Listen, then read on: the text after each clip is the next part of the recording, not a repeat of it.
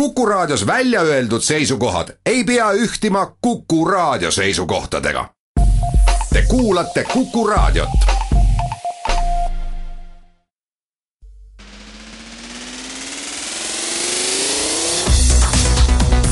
muuli ja Samost. muuli ja Samost. tere, head pühapäeva kõigile, alustame saadet Muuli ja Samost. stuudios on Anvar Samost ja Kalle Muuli räägime tänases saates USA vabariiklaste presidendikandidaadi Donald Trumpi äh, Eesti jaoks suhteliselt äh, halvaendelistest avaldustest, räägime ka jätkuvalt äh, ja nüüd tõenäoliselt pisut huvitavamat pöörde võtnud Eesti presidendivalimiste käigust, Eesti Euroopa Liidu eesistumisest, mis tundub saabuvat varem, kui pikka aega on planeeritud, EOS-ist ja välisajakirjanikest ja kuna ma olen värskelt Lätist saabunud puhkusereisilt, siis saate võimalik, et lõpetame ka väikse vestlusega aktsiisi teemal. muuli ja Samost. aga tulles siis esimese teema juurde, Ameerika Ühendriikide Vabariikliku Partei nüüd siis juba ametlik presidendikandidaat Donald Trump äh, vabariiklaste partei kongressi äh, ajal andis ühe intervjuu ajalehe New York Times, võib-olla peab kohe ette ütlema, et sarnaselt väga suurele äh, nii-öelda segmendile muust Ameerika ajakirjandusest äh, Trump ei ole ka New York Timesile ülemäära sümpaatne. Äh, ja selle intervjuu esialgne kajastus oli väga dramaatiline meil siin kuna noh, selline see kajastus ka New York Timesis oli, kus siis äh, võis aru saada, et Donald Trump on öelnud, et et kui vastuseks ajakirjaniku küsimusele, et kui mõnda Balti riikidest peaks Venemaa ründama, et siis ta vaatab, et kuidas need riigid on oma kohustused täitnud, äh, täpsemalt kohe ei selgunud, mis kohustustest siis jutt käib ja, ja alles siis otsustab, et kas on põhjust neid riike kaitsma minna, miks see nii oluline on, see on oluline sellepärast, et NATO on olnud ja, ja loodetavasti ka on tulevikus selline leping põhimõtteliselt, kus siis lepingu osalised kohustuvad rünnet ükskõik millise liikmesriigi vastu käsitlema kui rünnakut enda vastu ja noh, oluline on see nii suurtele kui väikestele riikidele, aga noh, Eesti puhul äh, oluline see just seepärast, et äh, NATO nii-öelda sees või ka NATO-ga paralleelselt on siis äh, peetud väga oluliseks just nimelt Ameerika Ühendriikide poolt Eestile antud julgeoleku tagatisi, noh, meenutagem kas või praeguse presidendi Barack Obama kõnet siin Tallinnas äh, paar aastat tagasi, et et äh, ma arvan, et äh, sellist kindlust tahaksid ka teised Ida-Euroopa riigid, eriti muidugi Eesti, Läti, Leedu ja Poola ja nüüd äh, kui selle intervjuu üleskirjutus, täpne üleskirjutus küsimus-vastus stiilis mõned tunnid hiljem avaldati, siis muidugi ma pean ütlema, et et eks see dramaatik, dramaatiline moment mõnevõrra vähenes, aga ega ta muidugi lõpuni ei kadunud, sest et kes tahab, saab seda ka, seda üleskirjutust ka lugeda või inglise või, või ka eesti keeles, et see on ka eesti keeles ilmunud üsna, üsna operatiivselt ja siin pigem ma ütleks, et on väga tore, et äh, Ameerika ühe suurima ja mõjukama ajalehe kaks ajakirjanikku suhtuvad Eesti julgeolekusse nii suure sisseelamisega, nagu siit intervjuust nagu tuleneb, aga muidugi mida Donald Trump siin ütleb, on see, et äh, ma arvan, ta edastab sõnumit äh, eelkõige sisepoliitiliselt, et ta nõuab liitlastelt, et liitlased kannaksid vähemasti sama suuri proportsionaalselt kaitsekulusid, ka Ameerika Ühendriigid seda teevad, olles samas oma liitlasi koha peal kaitsmas ja kui sellest Ameerika sisepoliitilises sellises debatis nagu juttu tuleb, siis tavaliselt ei peeta silmas Eestit, Lätit ega Leedut, vaid jutt käib pigem sellistest riikidest nagu ma ei tea, Saksamaa või äh, Lõuna-Korea või, või mõned muud sellised äh,, sellised liitlased, kelle puhul ei nähta siis, et nad proportsionaalselt äh, panustaksid oma riigikaitsesse. ja, ja tegelikult kogu selle ajakirjaniku pingutamise peale siis Trump ütleb lõpuks, et kui on kohustused täidetud, siis vastus on jah ja muidugi äh, ta ei pea silmas siin mingeid muid kohustusi ilmselt peale rahalist, et ma nüüd ei ürita siin küll selgitada küll kindlasti seda, et see on kõik väga tore ja nii ongi hästi, aga lihtsalt tahaks ühe killu veel siia lisada, et Eesti ise on olnud ka nende riikide seas, kes on väga aktiivselt meelde tuletanud, et selle kahe protsendi NATO kokkuleppe täitmine, mis on siis kaks protsenti sisemajanduse kogutoodangust, kaitsekulutustele, et see on väga oluline ja Eesti on seda tuletanud meelde korduvalt ja korduvalt, kuid noh, muidugi palju viisakamas ja liitlaslikumas toonis, kui Donald Trump seda teeb. Ja ja veel, veel üks, veel üks väike asi siia võib-olla vahele, enne kui ma pika monoloogi lõpetan, et et äh, olen tõesti viimase poole aasta jooksul äh, väga uudishimulikult jälginud seda Ameerika presidendivalimiste käiku ja tänu sellele olen ka Donald Trumpi erinevaid intervjuusid, kõnesid, esinemisi, mis iganes muid ülesastumisi nii, nii teksti kujul kui ka veel rohkem äh, pildi ja heliga nagu kuulanud ja mul on võib-olla kujunenud välja mingisugune selline teatud oskus tema, tema tekstist nagu mingit äh, mõtet üles otsida. et ta on, kuidas seda viisakalt öelda, väga eripärase stiiliga esineja. ja tema laused on lihtsad ja sõnad on veel lihtsaid, ta ei kasuta palju erinevaid sõnu, äh, ta räägib äh, noh, sellistes lapselikes loosungites ja tihti küsib küsimusi selleks, et oma mingit sõnumit edasi viia, et see on täpselt sama juhtum, mulle tundub siin praegu, et äh, tegelikult me lihtsalt ei ole harjunud Ameerika võib-olla võimaliku tulevase presidendi esinemisstiiliga veel. noh, võib ju ütelda, et suurt osa Ameerika ajakirjandust huvitavad Balti riikide julgeolekuküsimused märksa vähem kui Donald Trumpi ja eks, eks neid huvitab ennekõike see, kuidas leida Trumpi jutust või, või panna ta sellisesse olukorda, millega teda kahjustada, nokkida kuidagigi midagi välja ja noh, see omakorda muidugi vihastab Trumpi poolehoidjad ja kasvatab nende hulka veelgi, et ajakirjandus niiviisi käitub. ja, ja siin peaks kindlasti rõhutama seda, et äh, valimiskampaania ajal välja hüütud äh, mingisugused äh, lausungid või intervjuud ei ole päris seesama asi, mis sõjalised otsused, mida lahe, langetatakse kuskil tuumavarjendis juhtivate kindralite ja, ja julgeolekuanalüütikute osa, osavõtul, et, et need on kaks eri asja, et ma ei taha ütelda, et presidendikandidaadid valetavad või ajavad mingit udu otseselt kampaania ajal, aga selge see, et nad on noh, võib-olla et äh, loosunglikumad ja, ja, ja mustvalgemad, kui Seda... kui, kui nad oma, oma tegelikes otsustes oleks. et äh, samas minu meelest nagu noh, selge on see, et NATO artikkel viis ei ole tingimuslik, et, et seal ei ole koma, et juhul, kui te olete oma kohustused täitnud. sellist lauset seal ei ole, et seal on ikkagi selgelt, et kui rünnatakse üht, siis seda käsitletakse rünnakuna kõigi vastu ja seal ei ole mingisuguseid tingimusi juures, et kohustuste täitmine või mitte. aga minu meelest Trump juhtis äh, võib-olla küll natuke ebaõnnestunud sõnastuses või ebaõnnestunud vormis tähelepanu väga, väga õigele asjale. sellele, et kahekümne kaheksast NATO riigist ainult viis täidavad oma rahalisi kohustusi, ehk siis seda, palju nad panustavad kaitse-eelarvesse.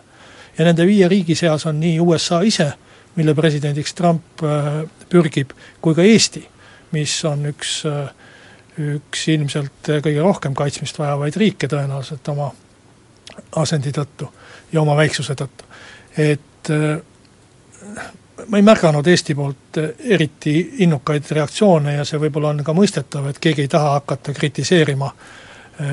inimest, kes võib-olla on USA president poole aasta pärast.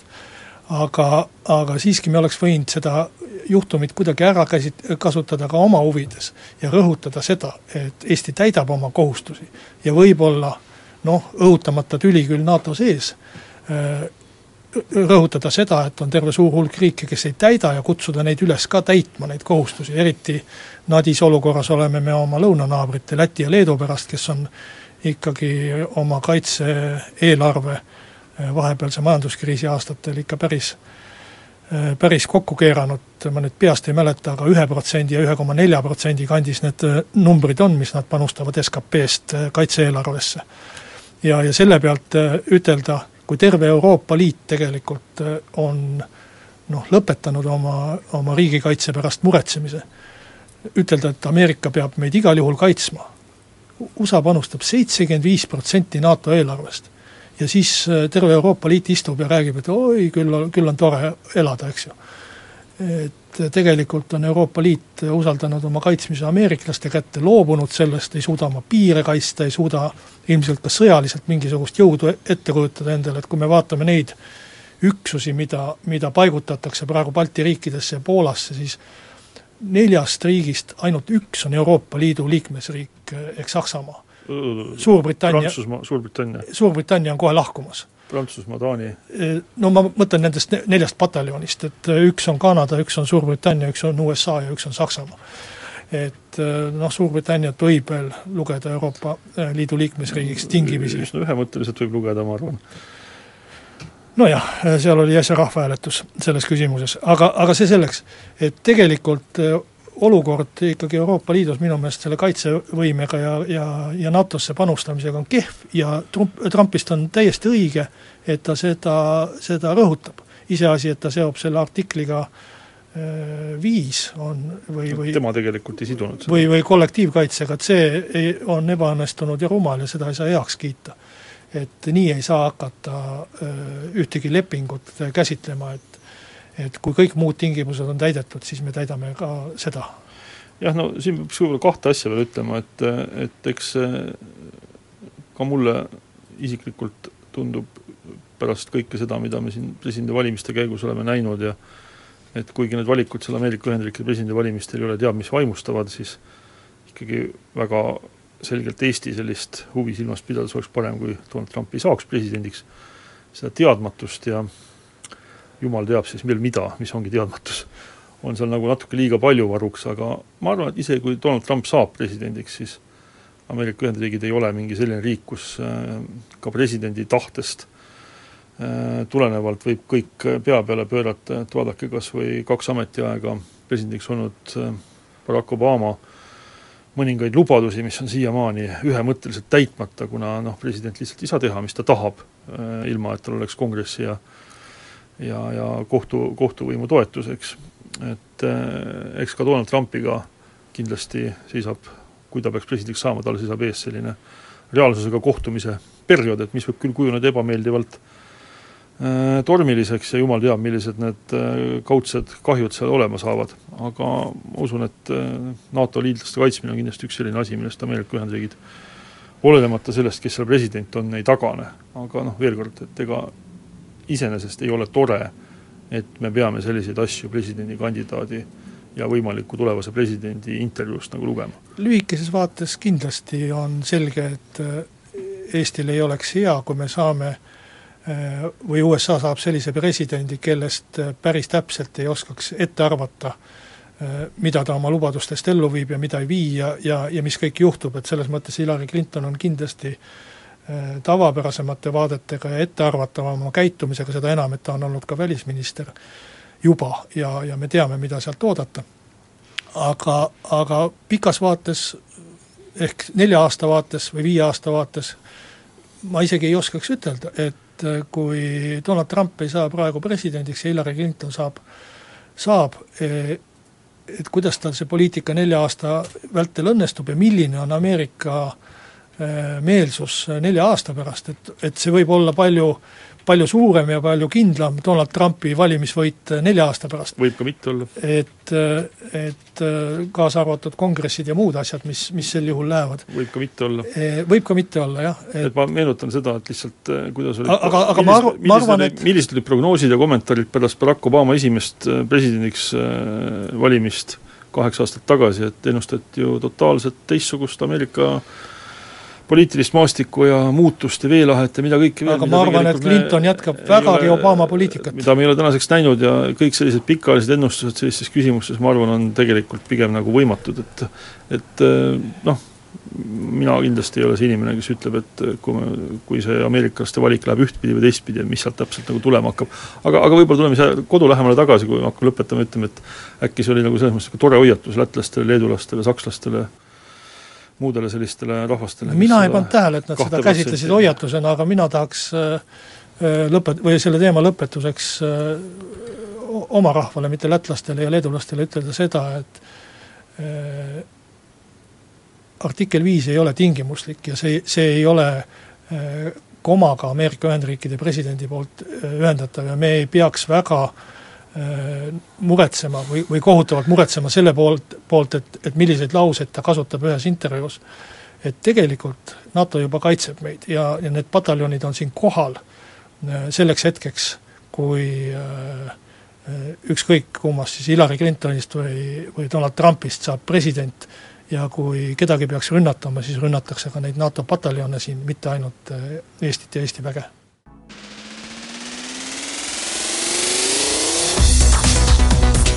Muuli ja Samost. muuli ja Samost. jätkame saadet püsirubriigiga presidendivalimistel teemal. no lõppev nädal tõi olulise uudise selles mõttes, et äh, Marina Kaljurand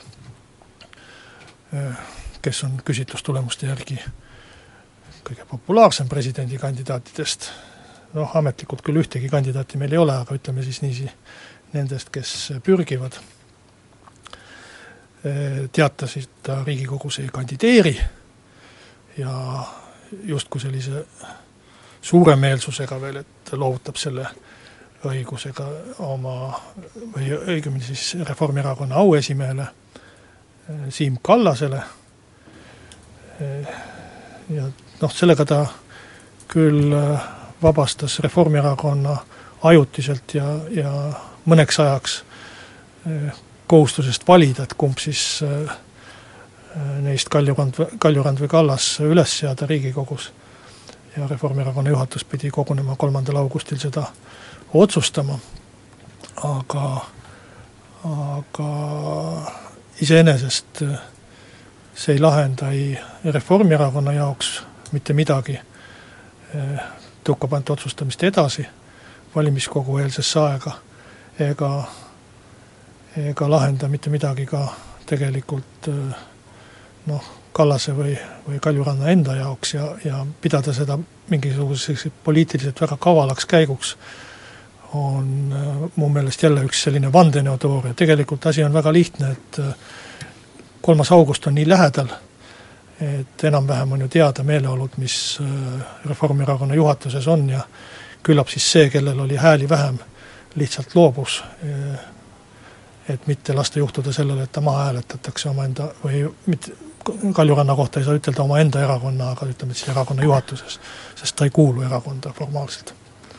No ilmselgelt jah, nii see võis, äh, nii see võis olla jah, et ma nii palju lisaksin, et, et ega see dünaamika jah, ei saanud alguse mitte Kaljuranna otsusest või tema meeskonna otsusest äh, Riigikogus kandidatuuri mitte üles seada, vaid ikkagi sellest hetkest, kui mis see siis oli, teisipäeva õhtul läks äh,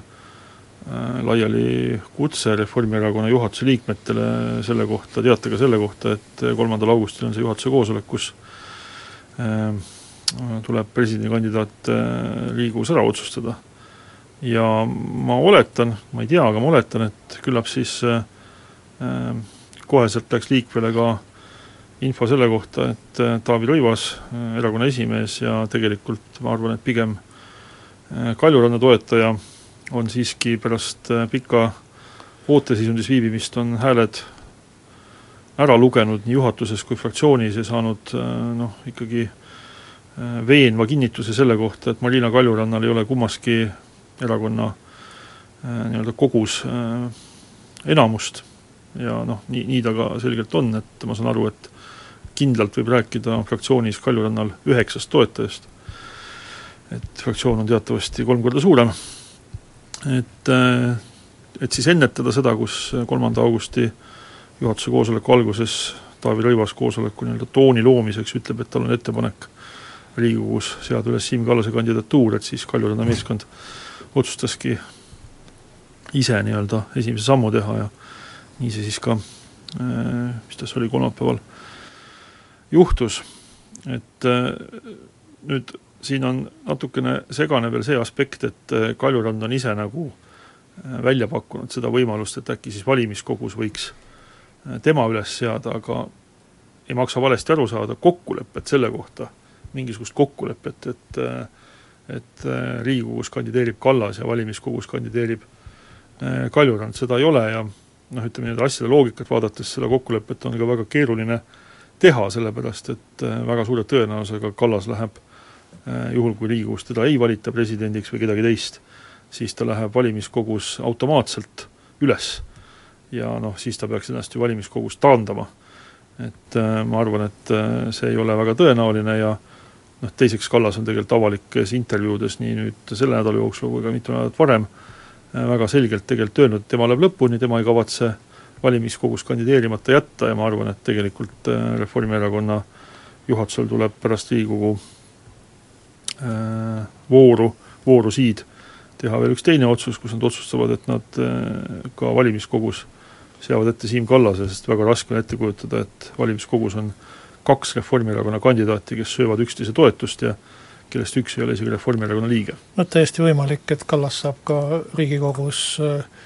kõige suurema toetuse või, või vähemalt teise häältesumma, mis tõesti automaatselt ta viib juba sinna ja siis oleks väga imelik, kui ta loobuks sellest, teiseks tal on ju äh, ka tema poolt on tehtud ju valimiskogu liikmete poolt avaldus, kas neid allkirju oli seal kakskümmend kuus, kui ma õieti mäletan, või mis iganes, millest ülesseadmiseks piisab ja väga imelik oleks, kui ta hakkaks neile kahekümne kuuele inimesele ütlema, et kuulge, et te andsite küll mulle toetuse ja ma küsisin seda, aga, aga nüüd ma loobun. see selleks, ma arvan, et, et on ka üks põhjus, miks ma ütlen, et Marina Kaljurand tegi väga õigesti, et ta loobus peale selle veel, et tal oma era- või Reformierakonna sees ei olnud hääli, on ka see tema käitumine parlamendi ees. et äh, ma arvan, et kõik Riigikogu liikmed mäletavad seda väga hästi, kui välisminister tuli tänavu kevadtalvel, kuud ma enam täpselt ei mäleta, tuli Riigikogu ette ja sisuliselt äh, Reformierakond korraldas äh, olukorra, kus Riigikogu liikmetel ei olnud võimalik talt ühtegi küsimust küsida. et kui tulevane president, rääkimata välisministrist, eh, kardab rahvaesindajaid, kardab nende küsimusi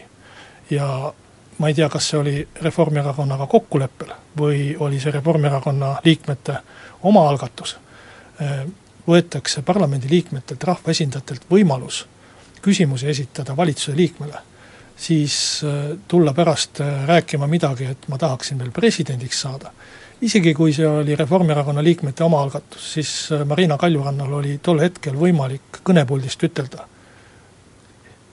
tubli, mu toetajad, et te püüate igati mind kaitsta rahvaesindajate ebamugavate küsimuste eest, aga ma tahaksin rahvaesindajatele siiski vastata ja andke palun teistele erakonna liikmete, teiste erakondade liikmetele ka võimalus. Et see oleks olnud käitumine, mis võib-olla, et oleks eh, suurendanud ta poole, poolehoidu eh, parlamendis, aga, aga aga pärast seda juhtumit ma arvan, et Marina Kaljurannal ei ole küll parlamendis teistelt erakondadelt peale Reformierakonna mingit isegi haledat toetust äh, loota. Ja, selles mõttes on kindlasti õige, et ta ei tulnud parlamendi ette äh, küsima endale hääli Äh, presidendivalimisteks, ta lihtsalt ei oleks saanud neid. aga nüüd on siis meil kolm kandidaati, kellel on enam-vähem reaalne võimalus äh, kandideerida äh, Riigikogus, ma ütlen enam-vähem sellepärast, et Anvar kindlasti ütleb, et Allar Jõksil võib-olla tuleb üks-kaks häält puudu, no ma väidan, et ei tule, aga et, et isegi kui neid ei jätku Vabaerakonnast Vabaerakond pole ju veel tegelikult juhatuse tasemel otsust langetanud. see juhtub ju veel hiljem, see mitte, see ei ole mitte juhatus, see on mingi muu organ. see juhtub veel hiljem, kui see Reformierakonna kolmanda augusti koosolek. viiendal vist oli see kuupäev, aga, aga see selleks. et, et küll, küllap see üks-kaks puudujäävat häält saadakse mõnest teisest erakonnast. no see mõni teine erakond saab olla ainult EKRE. no miks, et ma arvan, et Allar Jõksil võib ka mõnes, miks mitte Keskerakonnas olla mõni toetaja miks mitte Keskerakonna või... fraktsioon, ma arvan, annab üksmeelselt oma toetusallkirjad kõik äh, Mailis Repsile. või, või miks mitte äh, Sotsiaaldemokraatlikus Erakonnas äh, olla üks-kaks toetajat, eriti kui sotsiaaldemokraadid ei saa Eiki Nestorit ise üles seada. Et, et see variant on täitsa olemas, nii et ma arvan, et põhimõtteliselt võiks, võiks rääkida kolmest kandidaadist ja see teeb kindlasti läbirääkimised lihtsamaks, ehkki Äh, ma olen nõus nende äh, inimestega, kes ütlevad, et tõenäosus, et Riigikogus president valitakse, on väga väike. et sel juhul on ainult selline nii-öelda taktikaline või, või mingitel muudel eesmärkidel kandideerimine kõne alla tuleb ja, ja täiesti, täiesti võimalik, et Allar Jõks, kes on väga palju panustanud tööle valimiskoguga, loovutab näiteks kandideerimise õiguse Kallasele ja Repsile. kah loovutab. et siis, siis on väga, väga, väga huvitav selles mõttes, et on olemas äh, üks kandidaat valitsusliidust ja üks kandidaat opositsioonist. ma tahaks muidugi näha seda ametlike kandidaatide debatti siis nagu, mis saab olema suhteliselt huvitav, et aga, aga ma arvan, sa ruttad sündmustest nii-öelda ette, et sa räägid juba sellest olukorrast, mis on meil kahekümne üheksanda augusti hommikul seal Riigikogu saalis, aga või, või, või, sinu meelest võiks olla, aga, aga noh, tegelikult ma arvan, et siin lähinädalate küsimus on pigem selles, et mida siis Siim Kallas ja Reformierakond eh, nüüd ette võtavad, et eh, loogiline oleks ju see, et eh, et Kallasele üritatakse saada Riigikogus siiski rohkem kui kolmkümmend häält kokku, selleks tuleb Reformierakonnal ja Kallase meeskonnal läbi rääkida Riigikogu fraktsioonidega, eelkõige Keskerakonna fraktsiooniga, aga ka IRL-i ja sotsiaaldemokraatidega, miks ka mitte EKRE-ga, ja leida siis neid võimalikke kokkuleppekohti, et Mailis Reps on täitsa ametlikult teatanud, et kui vaja, siis ta on valmis loobuma. näed, siin juba teatavad asjad hargnevad, et küsimus lihtsalt selles, et ühtpidi, et milliseid kokkuleppeid Reformierakond ja eelkõige siis Reformierakonna äh, Äh, esimees Taavi Rõivas on nõus äh, Siim Kallase presidendiks äh, aitamise nimel tegema. ja kas ta tahab neid ja kas ta teha? tahab neid teha, ja teistpidi on kokkulepe siis selles, et kui palju teised erakonnad tahavad selle kokkuleppest küsida, noh selge on ju see, et Mailis Repsist ei saa presidenti, ükskõik kui optimistlikult me tema võimalusi ka ei hindaks, ka Eiki Nestori presidendiks saamise suhtes olen mina ütleme, vähe optimistlik, kuigi noh, ei saa välistada ikkagi, et äh, see jutt, mis siin väga visalt ringleb, et tegemist on tegeliku Reformierakonna äh, sellise tagatoa eelistusega Eesti Vabariigi presidendi kohale, et see vastab tõele, aga see eeldab sellist väga pikka ja väga mitmeplaanilist kompositsiooni, mis ei pruugi õnnestuda, eks, nii et noh, ja ma arvan, et äh, Allar Jõksil selles mõttes sul on õigus, et tal valimiskogus on kindlasti väga head võimalused, aga tegemist on, nagu ta ise armastab rõhutada, erakondadeülese presidendikandidaadiga, mitte IRL-i presidendikandidaadiga ja ma arvan, et ka IRL-il on siin järelemõtlemise koht, et kas on mingeid asju, mida nad oma noh, ütleme positsiooni parandamiseks võiksid soovida, selleks et noh, selleks, et oma positsioone parandada, et neid asju no kindlasti on. aga, aga lepime kokku, et ärme hakkame rääkima mingisugusest, mis see on, kontrollikoja esindaja kohast Brüsselis. kas sa arvad, et neist, sellest asjast ei räägita? täitsa võimalik, et räägitakse, aga selle asja pärast, selle kontrollikoja koha pärast ei hakka ükski IRL-i liige, või vabandust, üks, üks, võib-olla ainult üksainus IRL-i äh, parlamendi liige hakkab selle pärast hääletama kuidagi. et äh, no ma arvan, et kui keegi ei hakka, et küllap see üks ka ei hakka. kuule, seda, seda, seda, seda kontrollikoja kohta aga, meile pakuti ju sotsiaaldemokraatide poolt, pakuti mingi kooseluseaduse rakendussätte eest. kas sa nägid, et ükski IRL-i liige oleks selle kontrollikoja äh, koha pärast see oli hästi ebaõnnestunud pakkumine, et ma arvan, et võib-olla seekord pakkumise tegija on pisut targem kui, kui sotsiaaldemokraadid tollal, eks ju no ma, ma, ma üldse, ma, sa praegu vead selle jutu kuskile mujale. see ei ole ütled, koht, mis, mis ma tahan öelda, on see, et, et lähi, lähinädalatel paistab, mis teie fraktsiooni erutab ja mis teda ei eruta, seda me saame tagantjärgi rääkida, eks ju, eks lähinädalal paistab, missuguseid kokkuleppeid on võimalik teha, kas neid üldse on võimalik teha ja kas Riigikogu on üldse võimeline presidenti valima, et mingis mõttes võib öelda, et asi käib selles järjekorras, et iga fraktsioon peab otsustama, kas ta tahab presidenti valida Riigikogus, kas tal on võimalik Riigikogus presidendi valimisel midagi saavutada, mingit tulemust saada, mingit konkreetset asja saada, kas see presidendikandidaat, kes Riigikogus presidendiks valitakse, on Siim Kallas, kellel noh, tõenäoliselt tõesti Riigikogus on ehk võib-olla kõige rohkem šansse, kuigi noh, peab möönma, et kõigil kandidaatidel Riigikogus on väga väike šanss presidendiks saada, on nii? jah, et et ma arvan siiski, et Taavi Rõivasel, kui kui tal on väga palju tahet on võimalik äh, seda, seda kokkulepet äh, noh, üritada, et, et sellist olukorda, et täitsa lootusetu oleks, minu meelest ei ole, aga, aga tõenäosus on väike ja küsimus on ennekõike see, et kas kas Reformierakond äh, Riigikogus üldse tahab tõsiselt üritada. et võib-olla nad hindavad noh, seda kokkuleppe hinda liiga, liiga kõrgeks või, või suureks ja, ja seda tööd. Teisalt jälle, kui läheb valimiskogusse, siis neil tekib mingis mõttes hästi ebamugav olukord, kus nad peavad hakkama uuesti Marina Kaljuranna ja Siim Kallase vahel valima, kusjuures valik on seda keerulisem, et justkui äh, Äh, läbi lillede on Kaljurannale mõista antud, et ta ikkagi saab valimiskogus ta on seda ise mõista andnud, keegi no, temale seda minu meelest mõista andnud ei ole siiamaani no. seda juhatuse koosolekut pole veel olnud. tema avaldus oligi, lähtus ikka sellest, et Kall-, Kallas valimiskogusse ei tule ja, ja tema läheb. tema avaldus lähtus tema meeskonna nägemusest sellele asjale, eks ju. aga see, et Kallas läheb valimiskogusse, minu meelest juhul, kui Riigikogus ei osutu valituks, et on ikkagi väga-väga suure tõenäosusega, mis tähendab seda, et et äh, kui mõlemad ennast äh, üles seavad, lõppude lõpuks ega Marina Kaljurannal ei ole ju formaalset kohustust arvestada Reformierakonna juhatuse seisukohtadega.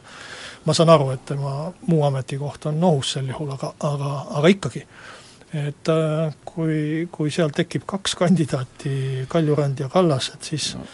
see on, see on nii raske valik, et, et ma arvan, et Reformierakonnal tasuks selle nimel pingutada, et Riigikogus asjad ühele poole saada aga, aga mitte Kontrollikojaga, ma palun. muuli ja Samost.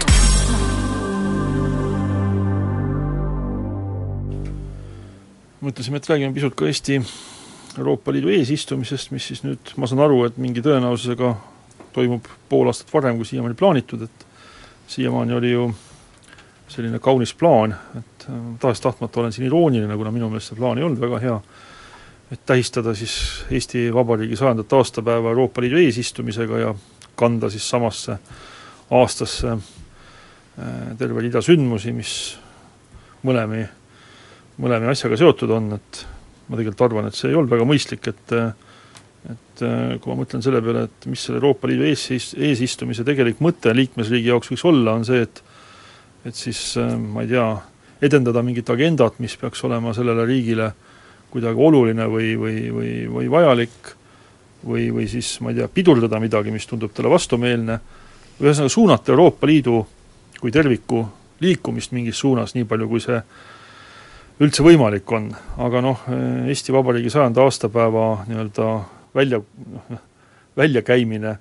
selle eesistumise raames, et see ei tundu just ülemäära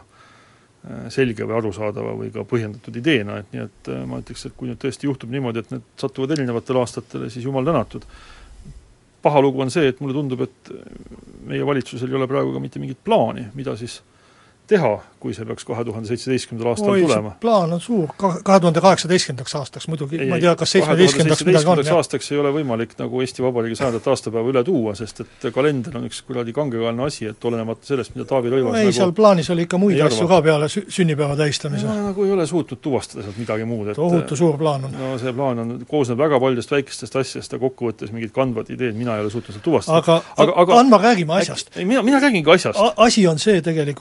Kogu see mis mõttes ma asjast ei räägi? kogu see eesistumine on üks, üks hullemaid jaburusi, mida Euroopa Liidus korraldatakse. Agendat esi-, eda-, edendada või, või mingit asja pidurdada või mingit asja suunata pooleaastase eesistumise aja jooksul. kui me räägime mõni riik on seda siiski suutnud ah,. jah, mõni riik suudab seda ka ilma eesistumiseta. no see on ka tõsi et Saksamaa võib-olla suudab pidevalt seda teha, aga, aga et et, et, sellisel viisil üldse Euroopa Liitu juhitakse, on minu meelest täiesti jabur. ja, ja kui Eesti üldse midagi tahaks teha mõistlikku, siis võiks ta oma eesistumise aega kasutada, olgu see kaks tuhat seitseteist või kaks tuhat kaheksateist, selleks, et juhtida tähelepanu sellele, milline raha raiskamine käib äh, seoses nende eesistumistega. sa räägid nagu tõsiselt või seda kindlasti ei tule nagu? ma räägin seda tõsiselt, et kui me tahame Brexitist midagi õppida ja Euroopa Liidu senistest äpardustest midagi õppida, siis me peame hakkama ausalt asjadest rääkima ja riiklikul tasemel, mitte nii, et et korraldame jälle mingisuguse pitspalli ja, ja jama kaks tuhat konverentsi. täpselt see plaanis on praegu. jah, kahjuks on see seitsekümmend kuus miljonit, see on ka muide, oluline on see, et sel nädalal me saime siis esimest korda teada, eh, palju see eesistumine maksma läheb, kuigi ajakirjanikud, ma saan aru, et erinevad ajakirjanikud erinevates väljaannetes erinevatel aegadel on seda küsimust kümneid kordi Eesti Vabariigi erinevate ametnike ja poliitikute käest küsinud, aga nüüd me vähemasti teame, et see hinnalipik on seitsekümmend kuus miljonit, et minu küsimus on pigem see, et kui see nüüd juhtub pool aastat varem kui Eesti Vabariigi sajandal aastapäeval, ja sellega seoses siis jäävad mingid asjad kindlasti ära, mis on ju planeeritud, mis ei saa kahe tuhande seitsmeteistkümnendal aastal toimuda, et kas siis äkki see läheb odavamaks, et äkki saame näiteks viiekümne miljoniga hakkama, et minu meelest see suur väljakutse oleks äh, praegustes oludes minu selline tagasihoidlikult sõnastatud eesmärk on see, et äkki üritaks korraldada seda eesistumist nii odavalt, kui vähegi saab. et minu meelest meil ei ole praegu sellist olukorda, kus me saaksime äh, noh, kulutada nii, et luu paistab, et seitsekümmend kuus miljonit on nii suur raha, ma arvan, et sellega võiks midagi noh, vähemasti osaga sellest võiks midagi muud ette, ette võtta. ma isegi ei tea, kas hea oleks võimalikult odav või võimalikult kallis, et antud juhul ma arvan, et odav oleks ikka parem kui kogu, kallis. kogu see süsteem on nii jabur, et kui sa kujutaksid ette Ameerika Ühendriike, kus pealinn iga poole aasta tagant veeta, veetakse ühest, ühest osariigist teise. see Ameerika Ühendriikide Euroopa Liidu võrdlus, ma arvan, et ei ole siin antud juhul nagu kohane. aga, aga paremat ka on raske leida, igatahes see, see süsteem, noh, see on muidugi üks osa ainult Euroopa juhtimise süsteemist, mis vajaks eh, kapitaalset ümbertegemist, aga mina arvan, et, et meil ei ole nagu suurt vahet, et kui me vähegi jõuame, siis võib see väga rahulikult ära pidada kahe tuhande seitsmeteistkümnenda aasta teisel poolel, kui ei jõua, siis kaks tuhat kaheksateist, et, et küllap ka Brüsselist meile öeldakse, kuidas teha. ja, ja, ja nii tore ma väga taunin seda, et me aktsepteerime igasugust jama ja igasuguseid jaburusi. et, et see oleks tegelikult küll koht, kus peaks äh, häält tegema ja, ja, ja, ja ammu oleks aeg. ma juhin tähelepanu, et peaminister üks päev enne seda, kui see otsus langetati, tegelikult veel arvas reaalselt, et selle äh,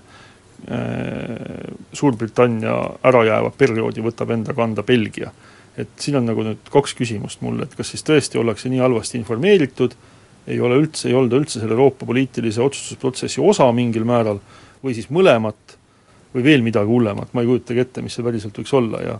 veel kord ma ütlen, et teeme selle eesistumise võimalikult odavalt, võimalikult lihtsalt, et mingit visiooni, mingit eesmärki, mingit plaani meil ju niikuinii ei ole, eelkõige vaatan poliitikute poole, kindlasti meil on väga palju tublisid ametnikke, aga poliitiliselt sellel koalitsioonil ei ole mingit asja, mida oleks mõistlik seitsmekümne kuue miljoni eest nagu tegema hakata. aga jah, ega ma, ma arvan, et äh, ka see, see ettekujutus või mõte, et me kohutavalt võidame äh,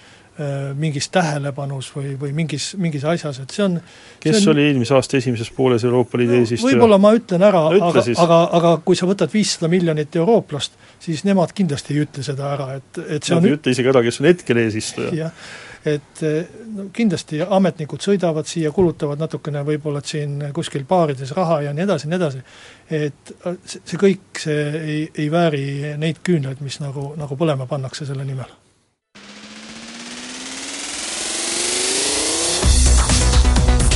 Muuli ja Samost. muuli ja Samost. Eesti mainest ja Eesti tutvustamisest välismaal räägime ka kohe edasi, nimelt on siin äh, BNS-i vahendusel saanud meile teatavaks siis, mis summa eest ja kui suures koguses tuuakse Eestisse EAS-i poolt, ehk siis Ettevõtluse Arendamise Sihtasutuse poolt turismiturunduse raames iga aasta välismaiseid ajakirjanikke, selgub, et üle kahesaja ajakirjaniku EAS toob igal aastal Eestisse, Eestist äh, kirjutama või rääkima või ma ei tea, näitama. Ja ühe ajakirjaniku kohta keskmiselt kulub selleks äh, noh, keskmiselt see on muidugi väga lai vahim, vahemik, aga nii see siin kirjas on, et viissada kuni tuhat eurot siis, et, et iseenesest kui hakata mõtlema, siis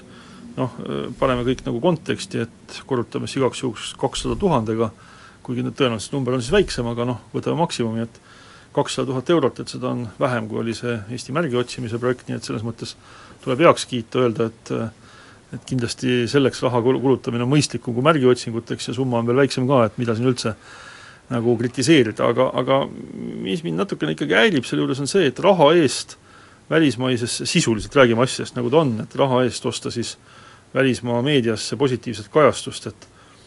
no ma ei tea, ma tõesti ei oska öelda, kas see on nagu mõistlik tegevus, et et isegi kui neile ajakirjanikele, ma saan aru ju noh, ega see ei ole nii, et neile otse raha antakse, et makstakse kinni nende lennukipiletid või mis iganes muud piletid ja, ja võib-olla hotellid ja reisimine siin Eesti sees, et seda teevad tõenäoliselt peaaegu kõik riigid või, või, või, või enamus, valdav enamus. Aga noh, ma ei tea, et Eesti on iseenesest ju nii tore koht, et ma arvan, me saaksime seda positiivset kajastust ka ilma selleta, et me neid ajakirjanikke peaksime siia kättpidi vedama, et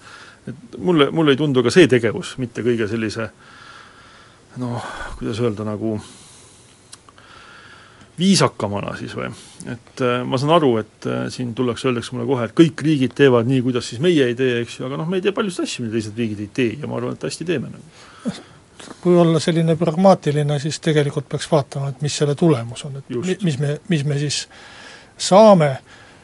noh, sellised ajakirjanikud, kelle reisipiletid kinni makstakse ja või kes lasevad enda reisipiletid kinni maksta ja ööbimisi ja toitlustamisi ja hotelle, et need peavad olema siis äh, nii-öelda tasulistes reklaamiväljaannetes. ei, ei pruugi sugugi olla, no mingid erialaväljaanded, mingid mingi aja, reisi, reisiväljaanded aja, aja, ajakiri Golf või mingisugune selline, et see kindlasti ei ole New York Times ja mitte ka Svenska Dagbladet. ja nii edasi, eks et mingisugused kalastajate või, või jahimeeste ajakirjad või? ma tahtsin lihtsalt juhtida tähelepanu, tähelepanu sellele väiksele nagu nihkele siin sellises avalikus teadvuses, et Eesti ajakirjanikke, kes mingisuguse välismaise ma-, maksumaksja või muidu äh, Äh, isiku kulul lähevad kuskile positiivset lugu kirjutama ja mõistaksime kindlasti hukka, aga kui tuleb see välisajakirjanik, kes tahab Eestist positiivset lugu kirjutada, ainult et juhul muidugi, kui ta viietärni hotell kinni plekitakse, et me nagu ütleme, et see on okei okay., et see, kuskil on meil siin teatud nihe, eks. jah. muuli ja Samost. ja olles just äh, vähem kui kakskümmend neli tundi tagasi saabunud Lätist ja kuna aktsiisiteema on meil peaaegu sama regulaarne siin kui presidendivalimiste teema, siis ma mõtlesin, et saate viimased mõned minutid ma siis muljetan, et kuidas siis oli, et kas äh, eelkõige autokütus oli odavam, jaa, oli, ostsin paagi täis Salatskivast, diislikütus maksis null koma üheksa seitse kolm eurot ja kui mul oleks olnud tahtmist, ma oleks võinud kilomeetri eespoolt osta Lukkoli tanklast ka null koma üheksa kuus nelja euro eest, aga Lukkuri tanklasse sõitmisega mul esines teatav tõrge, nii et sinna ma ei sõitnud, ostsin Statoilist ja noh, ilmselt oleks otsides, oleks saanud veel odavamalt. ja tõesti, seal Salaskriva tanklas. Sel hetkel, kui mina seal tankisin õhtul umbes kella, ma ei tea, mis, kaheksa ajal või, seal ei olnud ühtegi Läti numbriga autot pumba juures, kõik minu taga seisis järjekorras Eesti numbriga auto ja minu kõrval pumba juures seisis Eesti numbriga auto ja nii see laulupidu seal välja nägi. Ja siis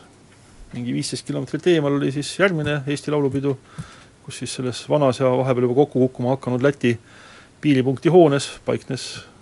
üks väga äh, konkurentsivõimeliste hindadega alkoholipood, ei hakka siin nimesid nimetama, ma ei taha kellelegi reklaami teha, et äh, vastab tõele, et seal oli väga odav ja inimesi oli seal väga palju ja valdavalt need inimesed rääkisid eesti keelt. et äh, päris kummaline on kuulda, et, et et järsku on avastatud, et Leedus ja Lätis on hinnad odavamad kui Eestis, et see, see on kütuse, umbes samasugune kütuse hind ei ole olnud varem Lätis ja Leedus odavam. see on Lätis on olnud reeglina kütuse hind varem kallim. et alkoholi hind oli ka enne odavam. et, et see on umbes samasugune uudis, nagu et Soomes on hinnad kallimad kui Eestis. et, et tegelikult Soomes võib, tegelikult, Soomes võib varsti juhtuda, et see, et diislikütuse hind on odavam kui Eestis, see on mis, tõsi. mis võib olla nagu äh, muutunud, on see, et äh, kõikides Balti riikides kehtib euro ja väga lihtne on võrrelda. et äh, võib-olla, et äh, kui oleks üheksakümnendatel ja, ja ja noh, eelmisel kümnendil olnud ka euro kasutusel, oleksime ehk näinud neid hinnavahesid palju rohkem, et ma ei ole küll sel kuul käinud Lätis ja Leedus, aga, aga tänavu kevadel või, või kuskil juunis äh, käisin ja võin ütelda kõikide huvilis, huvilistele, et ka Leedu poodides on, on toiduhinnad palju odavamad kui Eestis. Lätis nii see ei ole muidugi. et äh, kuna, kuna Lätis ja Leedus on ka palgad märksa väiksemad kui, kui Eestis, siis on ka loomulik, et, et äh, nad oma toidukaupu müüvad odavamalt, et see no,, see oleks nagu naljakas me siiski et... räägime praegu kaupadest, kus nimetamisväärse osa, et mitte öelda üheksakümmend protsenti hinnast moodustab aktsiis ja muud maksud. tegelikult see alkoholikaubandus, mis äh, toimub üle piiri, on minu meelest igati normaalne ja igati hea, et see toimub äh, igasugustes riikides piiril, kus, äh, kus on hinnaerinevused, Norra ja So-, Rootsi piirile on ehitatud ju terved kaubamajad, kus on, on norralastel hästi odav käia ostmas Rootsi kaupu. et selles mõttes on see kõik hea, niikaua kui ei lähe see kätte kuritegevuseks, ehk ku-, niikaua, kui see alko-, seda alkoholi ei hakata edasi müüma, et see on keelatud ja selle eest tuleks vangi panna. sellega soovi, sooviga me ka lõpetame, Anvar Samost ja Kalle Muuli taas eetris nädala pärast.